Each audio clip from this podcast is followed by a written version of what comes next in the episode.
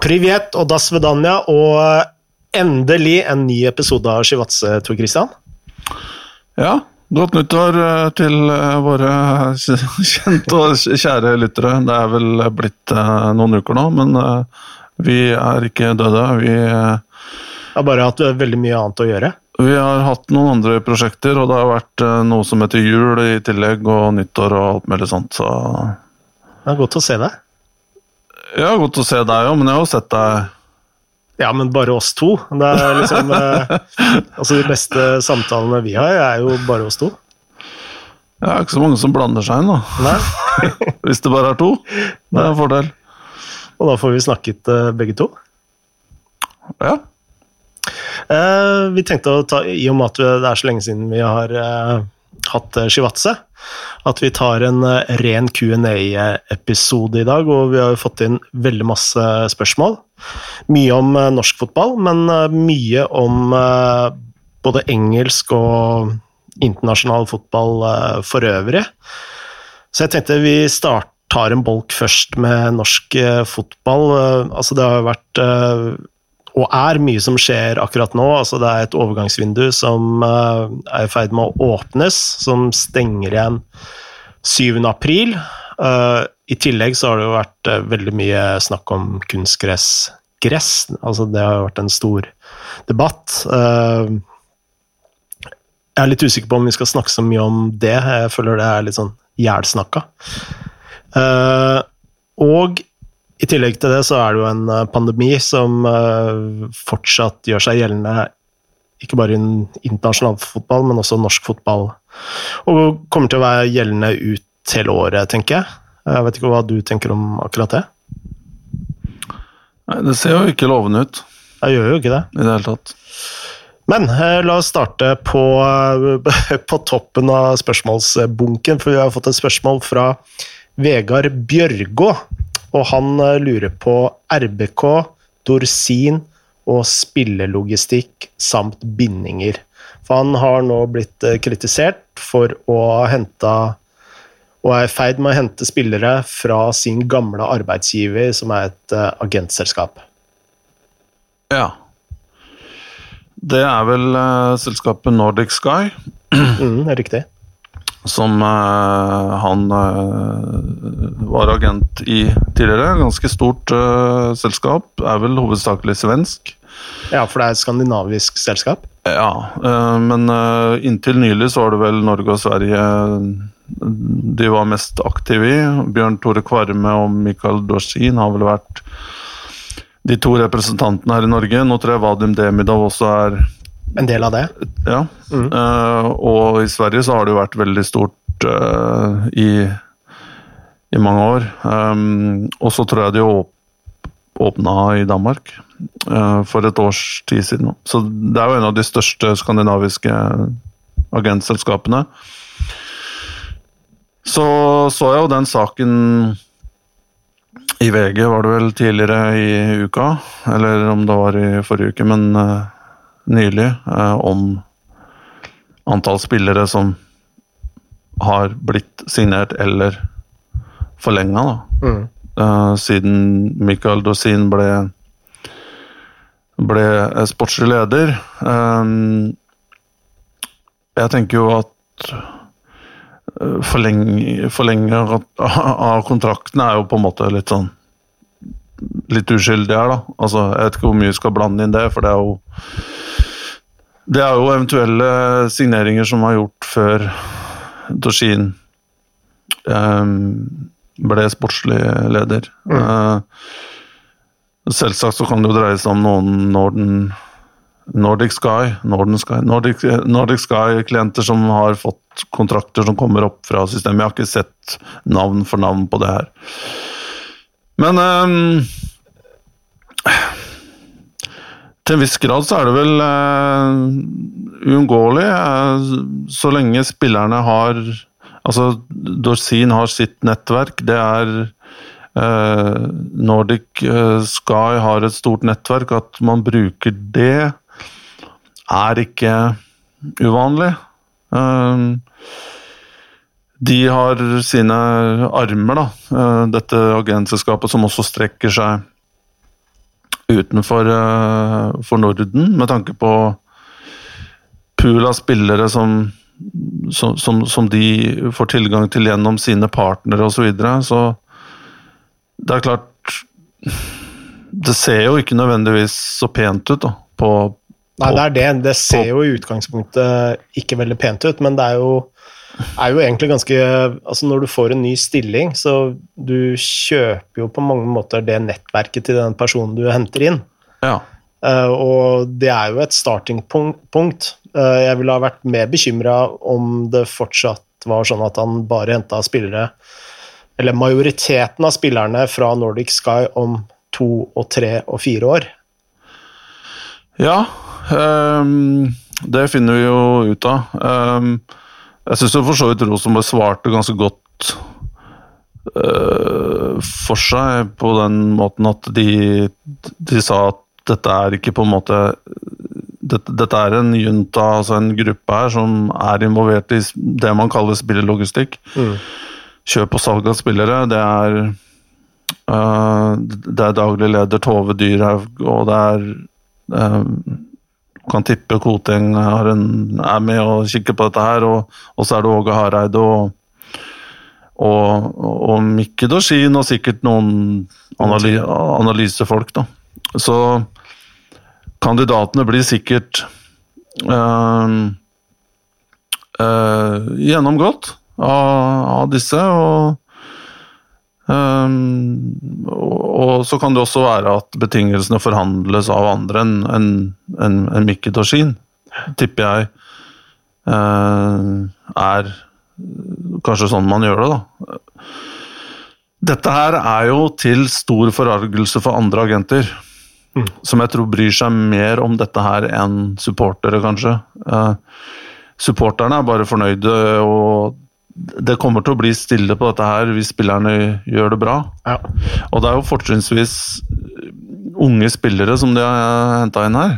Eh, så vi skal jo også gi dette her litt tid før man sier at man har mislykkes, og at den connection til, til Nordic Sky er ikke har tjent Rosenborg hensiktsmessig.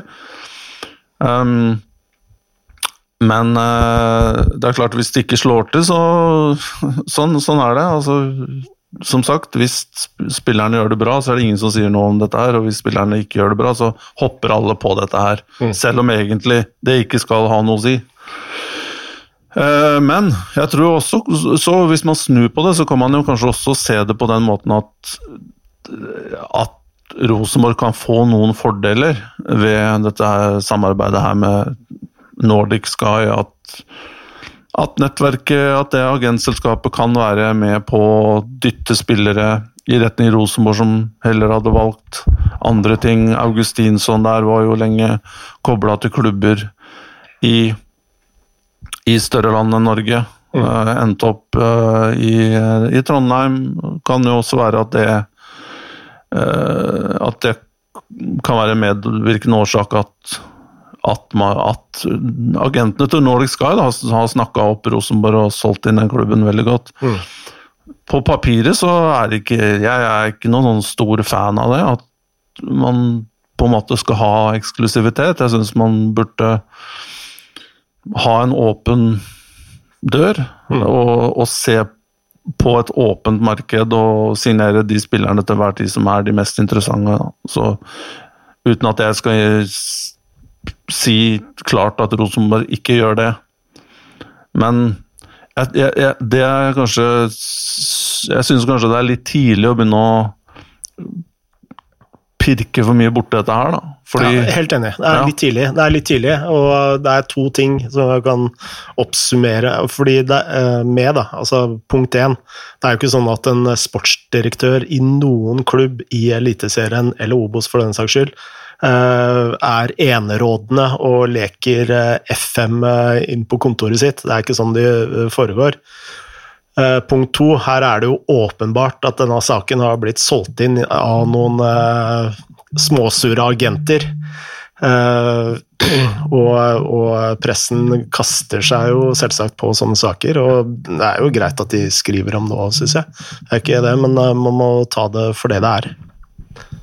Ja, det er jo interessant å Jeg hører i hvert fall mye, mye anførselstegn sutring da, fra andre agenter om at eh, Nordic Sky har eksklusivitet til Rosenborg. Ja.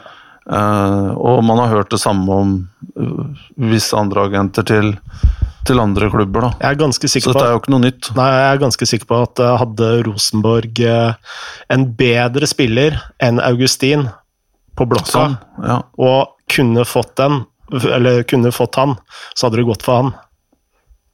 Ja, akkurat i tilfellet Augustinsson så tror jeg at, eh, at Nordic Sky spilte en, en positiv rolle. Mm. Og at han fort kunne endt opp et annet sted hvis han hadde en annen agent. La oss gå videre. Eh, Magnus Borgen hadde et eh, veldig interessant spørsmål. Som eh, så en problematikk jeg egentlig ikke har tenkt så mye over, fordi eh, eh, altså, Det er jo faktisk en, altså en ny problemstilling, og han skriver at uh, svenske Offside hadde i desemberutgaven en future på, fra Danmark som dokumenterte at 8 av 24 klubber i Danmark Danmarks to øverste nivåer er kjøpt av utenlandske, kapitalsterke majoritetseiere, mange amerikanere. En trend, og kan trenden uh, komme til norsk fotball? Uh, den kan jo ikke komme før man åpner opp for For det, nei. Ja, før man gjør om strukturen. For Det kan, har, du, det kan jo du forklare, som kjenner det veldig godt. ja, altså øh, Forskjellen på dansk og norsk struktur det er jo at uh, i Danmark så kan jo fotballklubber eies av rene AS-selskaper, mens i Norge så, så har vi den såkalte du, dualmodellen, som egentlig betyr at uh, klubbene uh, egentlig bare lisensierer ut retten til å drive en fotballklubb til et AS. Og det, det er jo en øh, stor Det er en stor forskjell. Eh, og i, i Sverige eksempel, så har du jo en mer sånn tysk eh, modell hvor, eh, hvor eh, majoritetseierne også må være liksom eh, altså medlemsstyrt. Da. Så eh, korte svaret på Magnus sitt eh, spørsmål er egentlig nei, fordi vi har ikke den, den type strukturen som man har i, eh, i Danmark. Men han spør også om bør vi være misunnelige på det. Jeg, jeg kjenner faktisk et par av bare, Det er jo egentlig en digresjon, og ikke et svar på om vi, bør være misunnelige. Men jeg kjenner faktisk et par av de som um, som eier klubber Ja. i, i, i Danmark. Og siste som ble tatt over, er vel uh, Vennsyssel. Som ja, hadde vel ett år i Superligaen, men ligger sånn nest sist nå, vel, i nest og jeg ringer faktisk uh, han ene som, som er med i den konstellasjonen. Så jeg får ikke tatt den akkurat nå. Men um, de um, De er jo to klubber, Clermont i Frankrike, uh, og de er også involvert i en klubb som heter Austria Lustnau i Østerrike. Og så kjøpte de Vensyssel. De er litt annen Dette er sveitsisk selskap, eh, og de har vel en eh, De skal bygge et slags nettverk av klubber. eh, litt Bruke samme Litt sånn City Football Group, bare på en langt mindre skala. Hvor de skal bruke mye av teknologien som de utvikler selv. Uh, og uh, applikere den til samtlige samarbeidsklubber. Um, og de skal også utveksle litt spillere mellom, mellom klubbene. Det er allerede i gang, da. Um, eh, og de driver jo litt sånn på en måte Bygger jo litt stein for stein. Det er ikke snakk om å komme med store investeringer eller kjøpe masse, masse spillere. og De prøver også å sette seg inn i, i um, den lokale kulturen og hvordan ja, forankre den litt blant, blant, blant eh, lokalbefolkningen. Da. Eh, mange av disse klubbene som har blitt tatt over i Danmark, de, har jo, de er jo for så vidt veldig små klubber. Eh, du har Helsingør, og du har Du har Køge, tror jeg. Søndøy-Jylland ble vel eh, kjøpt opp nå for ikke så lenge siden. Eh, så det får jo ikke så veldig stor motstand, fordi alternativet er egentlig ikke Altså, det, det, det er ikke sånn at en investor kommer og kan begynne å tukle med noe som veldig mange holder, holder kjær, på en måte. Det er ganske små klubber, og i Danmark så er jo faktisk annendivisjonsklubbene nesten mindre profesjonelt opererte enn de norske. Mm. Noen av dem er jo semiprofesjonelle, trener tre ganger i uka osv. På nest høyeste nivå i Danmark. Og så er spørsmålet om Ønsker vi det i Norge? Altså er, er, Eller er, skal norsk fotball være en annen greie enn en, noe som potensielt kan bli et instrument for investeringer og eh, spillertransaksjoner og mm. eh, Det er jo noe som vi må avgjøre, da, og har per nå avgjort at det ikke skal være det. Nei. Og det, det, skal være noe som tilhører supporterne, som tilhører lokalbefolkningen. Det tilhører byene, tilhører Altså Og så er spørsmålet havner vi i bakevje, da, fordi det vi ikke klarer å bringe inn nok kapital I den konkurransen der, ja. Ja, ved at vi ikke tillater private som ønsker å introdusere sine ideer. Og det har jo sin pris. Hvis jeg skal hvis jeg skal ta over et firma, så er det klart og betaler mange, mange kroner for det, så er det klart at jeg ønsker innflytelse. Og, og noe av tanken for å gå inn er jo å gjøre dette bedre. Mm. Um, så Og det tror jeg er litt av utfordringen med den norske modellen. Det er jo at man kan investere, og man kan starte altså en, eh, som du sier, en slags Uh, Leieavtale? Ja, men du Du eier aldri noe? Du eier aldri noe, du eier ikke rettighetene på spillerne, og du har, du har heller ikke innflytelse på sportslige avgjørelser, da, som er fundamentalt i fotball. Nei. Uh, så jeg vet ikke du Hvor står du nå? i landet? Nei, altså jeg er jo alltid liksom Selv om du er jo en fotballklubb, du, da. ja, eh, men det er jo en eh, medlemsstyrt klubb. Men altså jeg har to, to, tanker om det. Altså Samme hva slags struktur du har. da. Om du kjører en tysk versjon, eller om du kjører en engelsk versjon, eller du kjører en tredjevei, sånn som vi gjør her i Norge, da, så er det Altså det er de kravene man setter til klubbene som til syvende og sist er avgjørende. Eh, F.eks. i Frankrike, hvor du har vært. Der eh, er jo klubbene relativt veldrevne fordi de har en så vanvittig eh, kravliste med altså økonomiske krav, sportslige krav. Og hvis du ikke fyller opp dem, så får du jo svi. Altså, det er jo nærmest fraværende i England, f.eks. Og da tenker jeg ikke bare Premier League, men jeg tenker jo på klubber som er i League One, League Two osv. Så, der er det jo uh, to nasjoner som egentlig har på en måte samme struktur, men to ulike utfall fordi uh, man har uh, ingen krav, da. Så hvis man skal se på hva som egentlig er avgjørende, så er det jo disse kravene og hvor strengt disse blir fulgt opp. Og det er egentlig på stell her i Norge. Men uh, når det kommer til uh, altså, styringsmodell, da, så tror jeg at den norske modellen ikke Altså, den er jo verken fugl eller fisk, det er en mellomting, og du får liksom uh, Ikke det beste av begge verdener, men du får litt sånn halv, halvveis medlemskontroll, og du får halvveis penger inn. Altså, du får Det er veldig Altså det er egentlig ikke noe klar retning, da.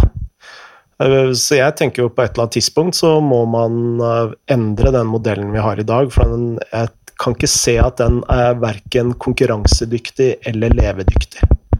Sånn øh, Hvis du ser fem-ti år frem i tid, da, og øh, med tanke på den konkurransen man har fra de nærmeste nasjonene, sånn som Danmark Danmark har jo en bedre altså, er bedre sportslig da, enn Sverige og Norge for en grunn. Og mest sannsynlig så handler jo det om de kapitalkreftene som uh, er, kommer inn i dansk fotball, og da gjerne uh, gjennom de største klubbene, sånn som FCK. Så kan man jo spørre meg hvorfor er FCK den største og den beste klubben i, uh, i Skandinavia? Er det pga. Ståle Solbakken, eller er det pga. kapital? Og har de fått den kapitalen pga. Ståle Solbakken? Det er veldig mange sånne spørsmål man må ta med inn i de vurderingene der. Men jeg tror jo at eh, FCK har en helt annen standing enn det Rosenborg og de svenske klubbene har pga. økonomi. da. Hvis det gir ja, mening? Ja, ja, det gir jo absolutt mening. Og så er vel FCK litt sånn spesielt tilfelle. De, de brukte vel en del år på å bygge det opp og um, den businessmodellen som de har rundt parken og, og, og, alt dette her. Det kan man jo gå inn og lese om. Mm. Uh, så, så, når ting gikk som det skulle, og økonomien på en måte Det var vekst i, i, i, i veksttider, så var jo um, Parken AS, holdt jeg på å si, altså et veldig, veldig lukrativt og suksessrikt konsept. Mm.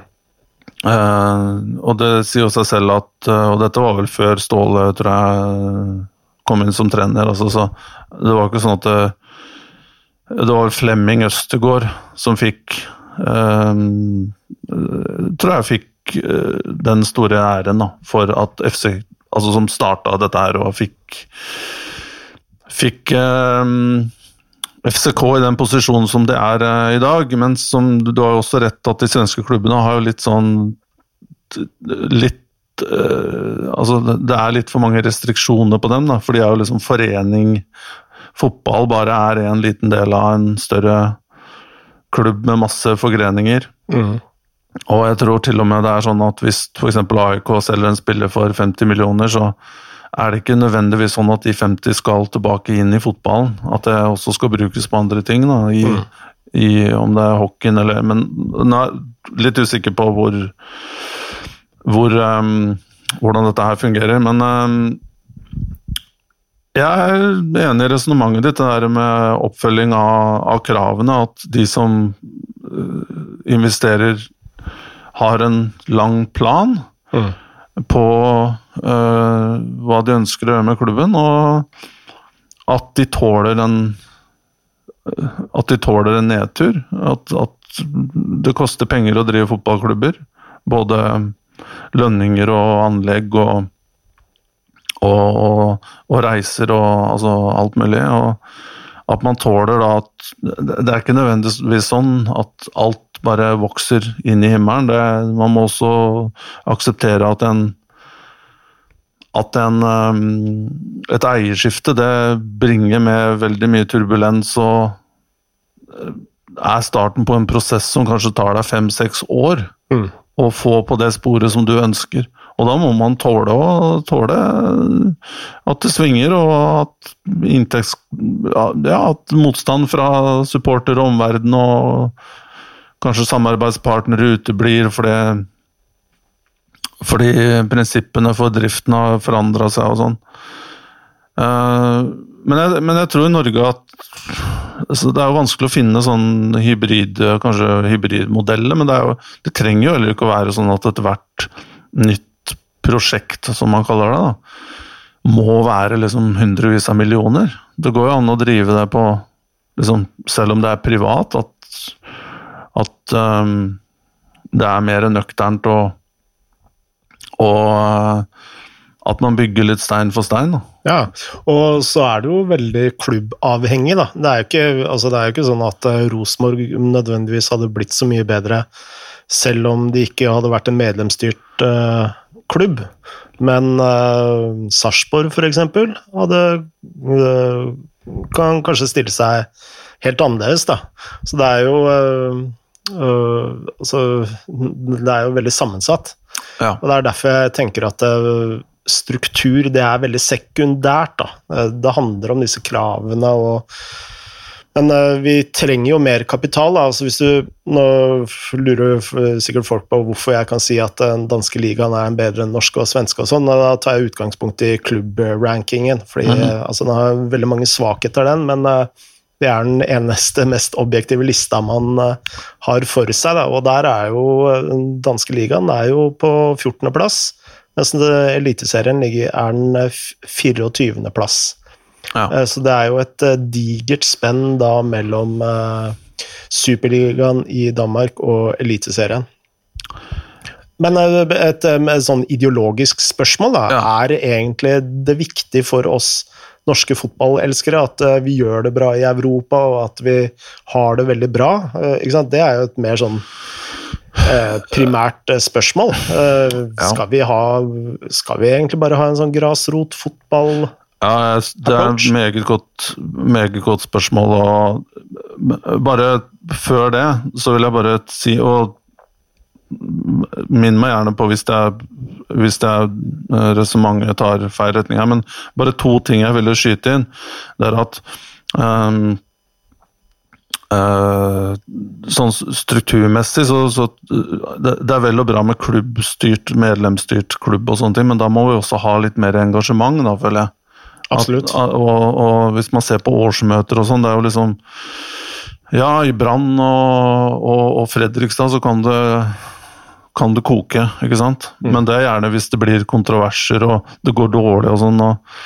Um, men vi, vi, må jo ha et mye større vi må ha en mye, mye, mye større engasjement rundt disse klubbene for at medlems um, Det konseptet om medlemsstyrt skal egentlig holde vann, syns jeg. Mm. For det er vel og bra at man ser til Tyskland og synes dette her er Uh, kjempespennende, og, og, det er sånn klubber skal drives, men de har jo samtidig liksom der, der må du booke plassen din på årsmøtet. Altså, ja, ikke sant? Og der er det liksom Når du har betalt den kontingenten, så betyr det noe. Det er ikke bare en støttemedlemskap. ikke sant? Så her har vi også en jobb å gjøre.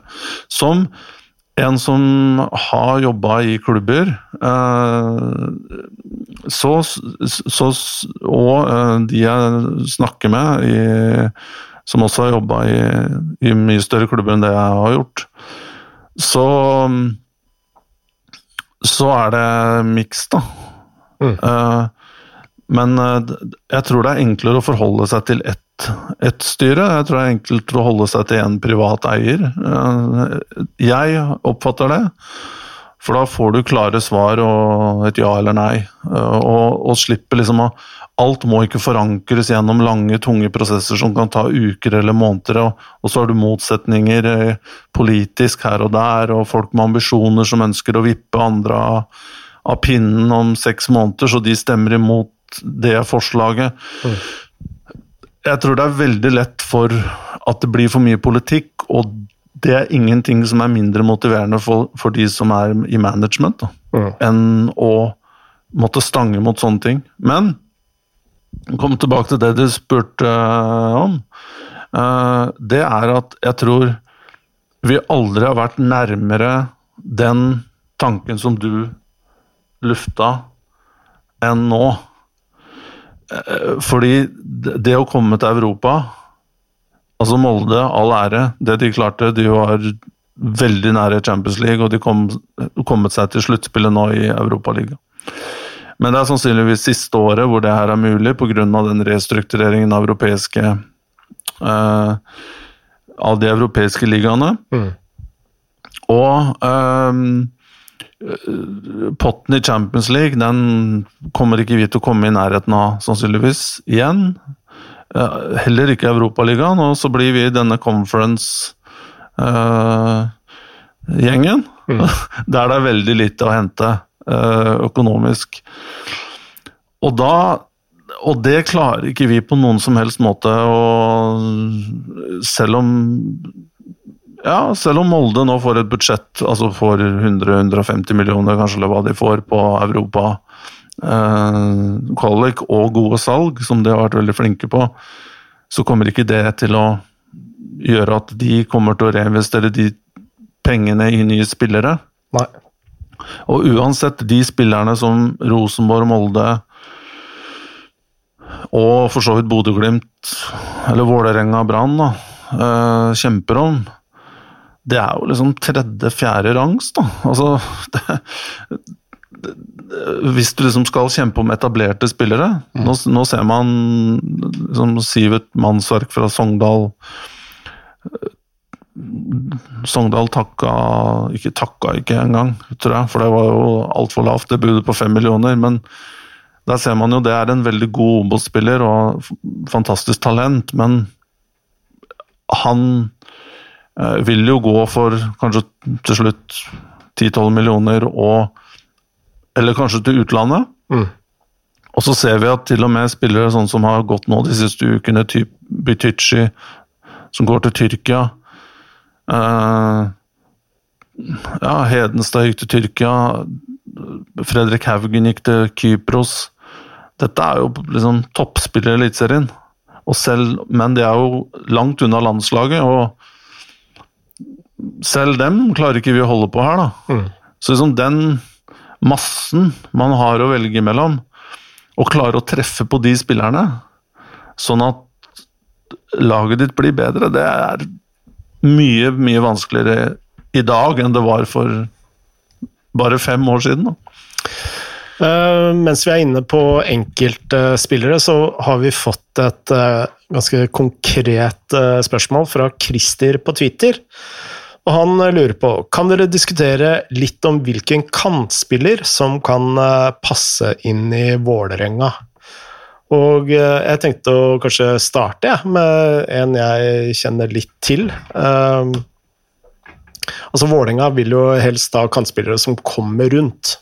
Altså går rundt, altså ikke såkalt innover, innoverkanter. Og en spiller som kanskje ikke er, er, så kjent, men Oliver Edvardsen i Stabekk. Han kunne jeg tenke meg å sette i Vålinga. Eh, han tror jeg hadde vært en sånn typisk Fagermo-spiller med, med sin fart. Han har jo ekstremfart, og for to år siden så var han vel eh, toppskårer eh, for Grorud i Post Nord-ligaen, og hadde jo kjempesuksess der frem til han ble solgt til, til Stabæk. Og han har vel også vært på både juniorlaget og rekruttlaget til, til Vålerenga, så det er mitt, mitt tips. Ja, øh, men er det så på en måte Jeg lurer litt på hvordan spillere tenker det. Um, hvis du er i Stabekk og du spiller på gresset der, og så Oliver Edvardsen er vel 2000, eller er han 01, eller? Han er vel 2000, ja. ja. Eh, så tenker han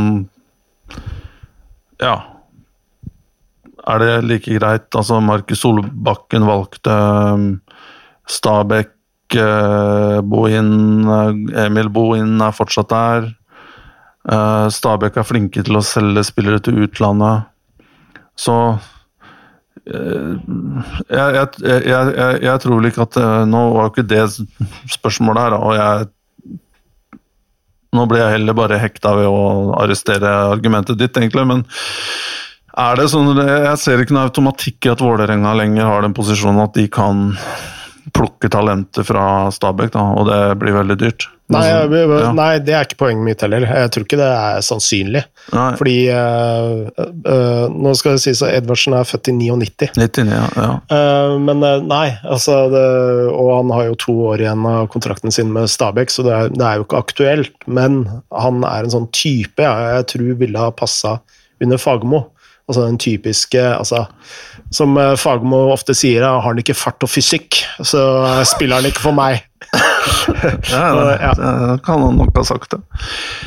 Nei, jeg vet ikke. Jeg har ikke studert det så nøye, så jeg føler meg ikke sånn i stand til å til å komme så jeg, jeg, tenkte jo Jeg hørte jo de var jo Skal jo ha kommet med et tilbud til Butichi. Ville vært bra. Mm. Så har du jo Dønnum der, Sarawi har blitt brukt der, klarer seg bra. Um, så Men Dønnum han forsvinner vel mest sannsynlig før sommeren, tipper jeg. Uh, med tanke på at det allerede har vært litt interesse rundt den. Uh, han har jo liksom gitt ø, ønske. Og jeg syns han er en veldig overrated eh, spiller. Du syns det? Jeg syns det. Ja, ok. Men jeg er veldig alene om det. Men eh, Ja, ja. Nei, det er lov, det. Og ja. så hvis du får eh, så, ja, Men begynner du å få hastverk, da. Overgangsvinduet stenger om syvende, ja, jeg tenker på ikke vinduet som, eh, som stenger eh, 7. april, men altså etter sommervinduet igjen. Ja, ok. Ja. La oss eh, gå litt eh, videre til eh, internasjonal fotball. og altså, Der er det et overgangsvindu nå som stenger 1.2. Og Andreas Seipajärvi han lurer på noe som veldig mange lurer på, og det er brexit og påvirkningen og hva det har å si for spilleroverganger til England. Vi har jo Sinkernagel nå som, eh, som, hvor man hadde en litt sånn spesiell ordning for å få han eh, inn eh, før brexit trådte i kraft for fullt. ja, det får man jo ikke gjort lenger nå. Nei. Men der var det en Stian De Wahl forklarte det veldig godt på et program som heter Mercato på noe som heter Fotball-TV forrige uke, hvor han forklarte at de hadde preppa dette veldig godt med en såkalt pre-settle agreement. Altså Han var på en måte registrert som en som skal flytte til England før, eh, før eh, Big Ben slo 2021, og da løste det seg. Eh, nå kommer det til å bli mye vanskeligere for nordmenn, da. Eller for spillere fra Norge. For det tar utgangspunktet, de nye reglene tar utgangspunkt i hvilken liga du spiller i. Ja. Ikke For det er et sånt poengsystem. Ja, Ja. riktig. Og norske ligaen er jo Dette er seks såkalte bands, altså seks nivåer. Nivå én er eh, de topp fire ligaene i eh, Europa. Italia, Frankrike, Tyskland og Spania. Så hvis du er eh, fast, fast-ish Mm. på de lagene, så kommer du deg enkelt til Premier League. Hvis du spiller i ligaer sånn som eh, Belgia, eh, Holland og Jeg lurer på om Portugal er band to og er fast, spiller i Europa eh, jevnlig, har noen landskamper og sånn, så får du også arbeid Altså, da, da kvalifiserer du som såkalt eh, auto, eh, autopass. Ja. Altså at du, du, du får nok poeng med en gang. Mm. Um, problemet oppstår når du begynner å gå i ligaer som er lenger ned. Da. Så la oss, la oss ta den norske. Der får man, man For å få autopass så må man ha 15 poeng. Um, de store ligaene, så de teller med sju. Eh, og tror jeg, og så er det opp til eh, ja, opp, opp, opp til eh, 15 og over, da, med alle disse andre kriteriene vi snakker om. I Norge så kan du tjene noen poeng på å ha spilt i Europa. eh, og du kan eh, tjene på aldersbestemte lands, landskamper også. Men du vil ikke komme du, Uansett så vil du ikke komme opp i liksom mer enn kanskje 8-10 poeng. Nei. Ikke det engang, tror jeg. Nei. Eh, og da er det noe som heter uh, sånn appeals uh, vurderingspanel, hvor klubbene kan legge fram casene med dokumentasjon og argumentasjon på hvorfor vedkommende bør kunne få spille i, Mm. i Premier League. Eh, det er nok mer aktuelt og nærliggende å tro at spillere fra sånn mellomstore ligaer får eh, medhold Mm. der. I Norge så er nok det allikevel veldig, veldig vanskelig. Um, og spillere under, eh, 16, under 18 kan man glemme. Ja. Det er ikke mulig lenger at norske spillere under 18 går til akademier, f.eks. England. Nei. Eller franskmenn eller hollendere eller whatever. da. Så det er blokkert nå. Hvis ikke du har en eh, foreldre da, som kan jobbe Som har spisskompetanse, eller altså om du er uh, har, har en utdannelse eller en, et yrke som det er behov for i Storbritannia. Mm. Så det nytter liksom ikke å bare gi faren jobb som scout lenger, Nei. som eh, man har gjort tidligere. Så det er eh, det som på en måte er det mest eh, aktuelle nå for å komme seg til England, det er å ta et mellomsteg. Via Danmark kan funke, hvis du går til Midtland eller FCK eller Brøndby eller de som spiller i Europa. Eh, Holland funker, Belgia funker, øverste nivå i Frankrike. Mm. Så hvis Aron Dønnum, da, bare for å ta et eksempel, er eh, aktuell for eh, Burnley, så kan Aron Dunham nå bare glemme Burnley. Eh, da må han enten innom Bundesliga eller Liga A for å gå direkte til Premier League. Ja. Skjønner. Eller til championship. Altså Eller det, championship, ja. De Ja, reglene reglene gjelder jo hele, hele systemet. Aha. Hele ligasystemet. Ja. Så, altså, det, dette vil jo medføre at vi vil se enda færre nordmenn i Premier League, mest sannsynlig, enn det vi ser i dag. Eh, ikke nødvendigvis, fordi nå har vi jo en bølge av spillere som går til Belgia og, og, Ja. og Holland og Frankrike og sånn, og gjør det bra. Eh, og da kommer det jo seg lett til England. Eh, bare et par andre ting her. Eh, eh, det er jo også satt inn en limit på under 21-spillere som du kan hente. da. Mm. Eh, Det er eh, tre per overgangsvindu.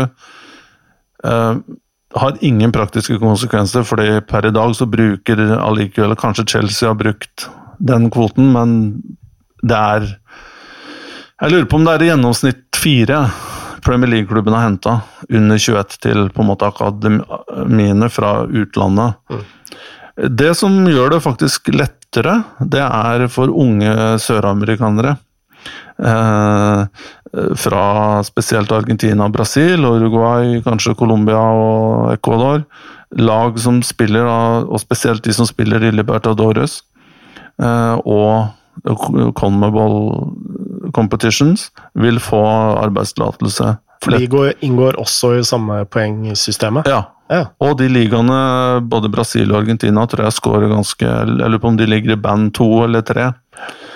Eh, Så det vil vi nok få se en, en liten forandring. At eh, du ikke lenger trenger europeisk pass. da, Det var jo den liksom gamle ruta før. Mm. Ja.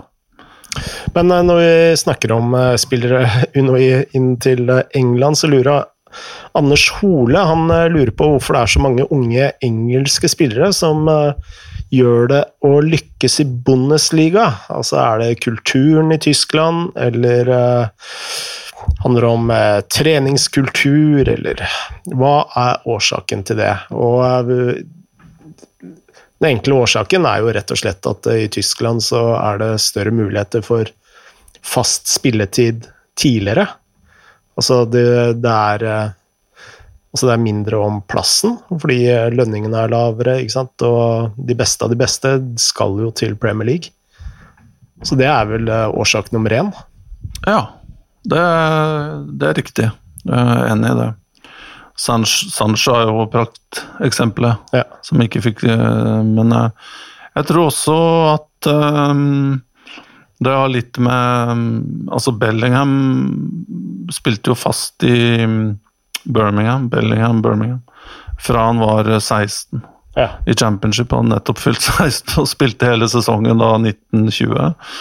Og har gått nå til Borussia Dortmund og spiller jo fast der. Um, og det underbygger jo litt det du sier, da, med at um, at han kan gå til en toppklubb Mm. som spiller øh, en veldig Jeg mener I Tyskland så spiller man jo også en fotball der du får litt mer tid med ballen i beina og får kanskje litt mer øh, utbytte av de øh, Altså de, Gjerne de spillerne som kommer fra England til til uh, Tyskland, de har jo også gjerne enten veldig sånn fysikk eller fart som, som nesten alle har i Premier League. da. Mm. Så man får brukt, man får kanskje en enda større edge med det når man kommer til Tyskland.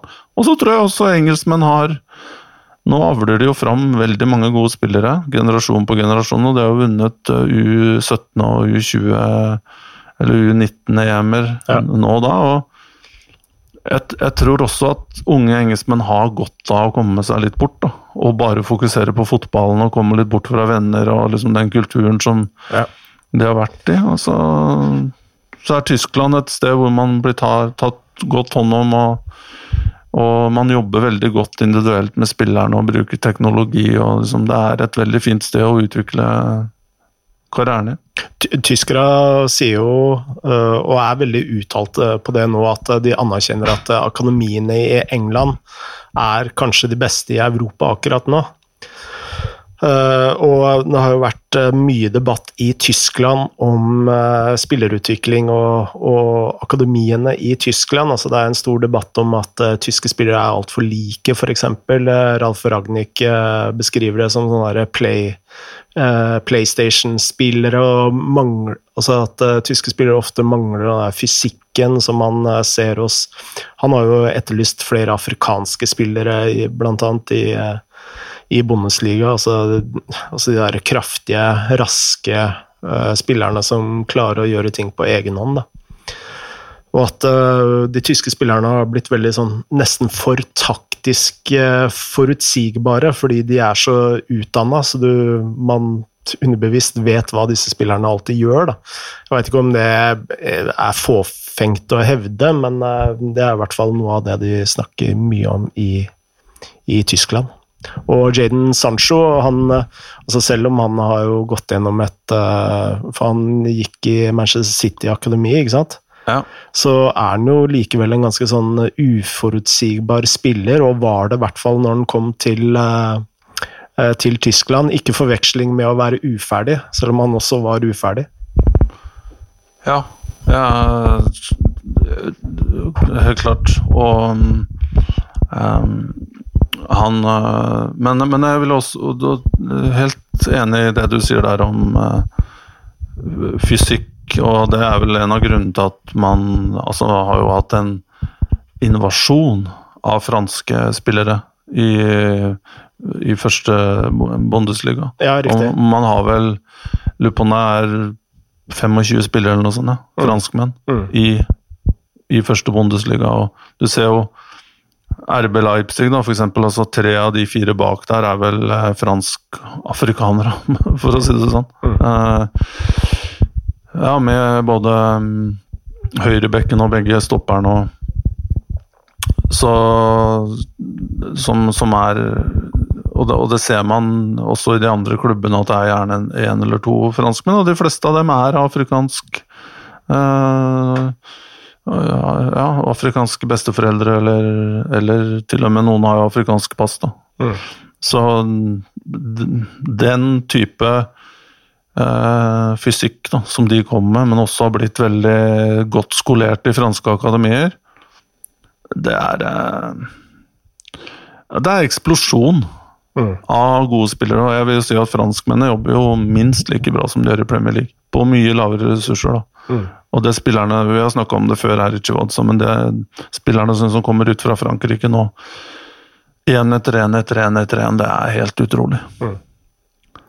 Eh, vi tar et spørsmål til uh, før, vi må slutte av. Eh, og da, mens vi er inne på unge spillere, så har eh, Anders Bjerva han sendte sendt oss en eh, liste over eh, antall minutter spillere under 21 år har hatt i Serie A. Og det er en eh, utrolig interessant tabell, fordi der kan du se at eh, AC Milan Altså, de har nesten tre ganger så mange eh, spilleminutter på sine eh, unge spillere enn det nestemann på lista. Bare hør her. Eh, spillere under eh, 21 år, eh, målt i antall spilleminutter denne sesongen. Der har altså AC Milan over 6000 eh, minutter. Mens neste på lista er eh, Hellas Verona med 2400 spilleminutter. Utrolig, utrolige tall. Ja, i hvert fall med tanke på at de ligger nummer én. Ja, absolutt. Én ting her, da. Bare for å på en måte Bare for å trekke inn noen ting for å, som ikke gjør det Eller dette er jo fantastiske tall, og Milan jobber på en veldig god måte. Du kan komme tilbake på det, men de har jo verdens yngste keeper. Mm. og har hatt det i flere år, men han er vel Donnarumma er vel 99, så han er Han blir 22 først nå um, i år. Um, så det drar ned. altså De fleste keeperne i serien er liksom 30 pluss, da. Ja. Um, og så har jo Kjær vært ute nå, nå er han tilbake. Uh, så han er jo, drar jo dette her opp. Mm. og Zlatan har vært ute ganske lenge. Mm. Og han er jo like mann som deg og meg. Så han har vel vært ute i ti-tolv kamper. Så det er klart, det hjelper jo på. Men uh, når det skal sies, så jo, er jo dette en bevisst strategi fra Milan, og de har satsa på ungt. Eh, og, og, og, kjøpt up and coming talenter, spesielt fre, bortsett fra Zlatan. Altså spesielt fremover på banen der med Lea og, og Hauge og Salem Makers og um, Tonali kom inn på midten der, har ikke helt slått til ennå, men selv de to andre, Ben Azer og Kessier, er jo også unge. Uh, Hernandez på bekk, Calabria på den andre bekken. Altså, så, så de har jo liksom ved egentlig utgangspunktet ha en ganske erfarne sentrallinje, hvis de hadde vært friske, mm. som da Romagnoli og Kjær på stoppere, som er rutinerte, eh, og så Zlatan på topp, ja. så har du liksom et veldig sterkt fundament der, og så har du klart å bygge rundt med, med unge spillere. Så men det er kanskje derfor Zlatan er i Milan nå, for å ta vare på de unge og sette en standard, da, og holde disse unggutta til den standarden. Ja, og i tillegg skåre masse mål. ja, ikke sant.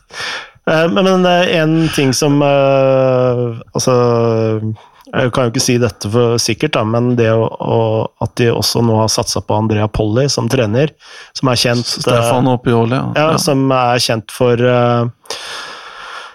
for å jobbe bra med, med unge spillere, eh, så ser du jo sånn sett utenfra at det er en større tanke her, da. Enn eh, bare å Det mest naturlige, da, når du kommer inn som ny eier og sånn, og så få digert navn, og så ja, men eh, de holdt jo Det var jo litt tilfeldig. Ja, det, ja, var det. For det, Ragnhild skulle jo inn der og ta over hele butikken. Og det ble jo bestemt eh, Altså, Milan for et år siden var jo Og jeg husker det var liksom Gazidis kunne ikke Ivan Gazidis, som er CEO, eiernes mann mm. i AC Milan og styrer alt, han kunne jo ikke gå ut av huset i, i, i eller leiligheten i Milano fordi resultatene var dårlige, og fordi han Det var en strid der mellom uh, Uh, altså Boban gikk ut og kasta Gazidis for så vidt under bussen. Mm. Boban var da én av to sportslige sportsdirektører, andre var Paolo Maldini. Og Boban kasta jo Gazidis under bussen og, og, sa hvis ikke vi gjør dette her og her, og her så går jeg. Og Gazidis og eierne satte vel ned fotene som sa at ja, men det er ikke du som skal Selv om du er superpopulær og en X-spiller. Litt tabloid eh, fremstilling mm. av dette her. Jeg kommer her nå, men i grove trekk. Eh, du skal ikke sette agendaen her, så vær så god, døra er der. Uh, Paolo Maldini ble, og han ble da, fikk eneansvaret som sportslig, sportsdirektør. Men uh, allikevel, i noen uker da, så funderte jo Glacidis og Elliot Management Group som eier Milan, på hva blir neste skritt her nå, hvordan skal vi komme ut av en krise, og svaret var Alf Ragnhild. Og, eh, som var da på utgående kontrakt med eh, RB-systemet. Eh, Red Bull, altså. Og i løpet av den våren så kom man jo til enighet med Ralf Ragnhild, og alt skulle jo formaliseres, men simultant så, så begynte jo Milan å vinne Mm. med Pioli, og kamp etter kamp etter kamp, og fikk en vanvittig eh, avslutning på sesongen, og spesielt etter denne restarten. Da. Og da eh, endte man jo opp med litt sånn Nei, Ragnhild, vi, vi, vi prøver på noe annet. Vi fortsetter med Pioli. Så Men, men eh, hvis eh, Ragnhild hadde gått til Milan, da, så er argumentet mitt egentlig det samme. For det er jo også en trener som er vant med å, å jobbe med yngre talenter, da. ja, uh, absolutt. Men uh, samtidig så ville jo Ragnhild ha Det ville jo vært et kulturskifte uten like. Absolutt. For Ragnhild, når han kommer til en klubb, så skal ikke han bare sette seg bak en kontorstol. Nei. Og han skal ha med seg et team av folk som tenker akkurat på samme måte. Han skal implementere teknologien som han bruker. Og Milan ville blitt en helt annen klubb, da. Men nå har man på en måte fått til en ganske fin Får vi se om dette her vedvarer, men med at du har, du har Paolo Maldini, som representerer da liksom det gamle Milan, eh, og har fått en veldig Også en høyere stjerne. Ja. Eh, og, og Pioli som jobber, jobber godt. Og, liksom. så, og dette her er egentlig Jeg tror det er mange som ikke tenker på. Det er at det er litt sånn som med Solskjær i Manchester United. da, At svaret ikke, ligger ikke alltid liksom på organisasjonsdiagram eller fine planer, powerpointer. Det ligger ofte med å kjenne seg fram. Altså at det er en prosess som du justerer og gjør litt feil, og så lærer du av det, og så, og så kommer du inn på riktig track. Altså at veien er målet, da, på en måte. Ja. Og det mener jeg er eh, både i, i Milan og Manchester United. Liksom, Evaluere, utvikle, evaluere, utvikle, Ja. osv. Men uh, vi hadde Og alt trenger ikke å være en revolusjon, da. Nei, eh, vi hadde, dette er en liten detalj, uh, og du må uh, altså, arrestere meg hvis jeg er helt på ville veier her, men Atan Neke eh, fortalte om Jens Petter Hauge-overgangen. Om at han hadde ingen dialog med Paolo Maldini, men han hadde kontakt med en representant for eierne. Jeg vet ikke om du husker det? Nei, eh, men jeg huska det sånn at det var veldig mye kjærlighet med Paolo Maldini der, Da. Ja, absolutt, altså, men det var helt sånn i sluttfasen. Ja. Men, eh, men frem til eh, Da var det Gazidis, tipper jeg, som Ja. han uh, snakka med. Så Ja, det, det var en liten detalj jeg har eh, tenkt litt på. Men eh, det, altså at eh, Maldini kanskje ikke er så hands on på når det kommer til akkurat de tingene. Jo, jeg, jeg, jeg, jeg tipper han er jeg, tipper jo Gazidis tar seg av kontrakten og det formelle og sånn rundt det. Ja, okay. Og, og økonomien og uh, Igjen, han, det er jo han som er høyrehånda til, til uh, Elliot Management Group, så det er jo ikke noe Og han har jo masse erfaring med dette her fra Arsenal tidligere. Um, men øh, og, og Paolo Maldini tror jeg med en sånn forenende kraft. Som liksom Litt ambassadør, litt uh, støttespiller for Pioli, litt sånn som tar av press til Hvis det ikke går så veldig bra, så Nå så ser det i hvert fall veldig bra ut. Mm. Og det er et eh, veldig spennende lag å se på. Eh, men jeg lurer på om vi er i, i eh, boks igjen nå, Tor Christian? Jeg håper ikke vi er i boks, det høres ikke, noe, komfortabelt ut. Men da, kanskje vi er ferdige, da. Vi, jeg tror vi må for denne avslutte, avslutte for denne gang. Eh, det har jo som alltid vært veldig hyggelig og veldig lærerikt. Veldig hyggelig, og tusen takk for mange hyggelige spørsmål. Og de som har etterlyst oss på sosiale medier òg. Det er hyggelig å vite at vi ikke bare snakker til veggen her. At vi ikke bare savner hverandre. da sier vi som vi alltid sier, privet og eh, to vodka ned. Moderne media.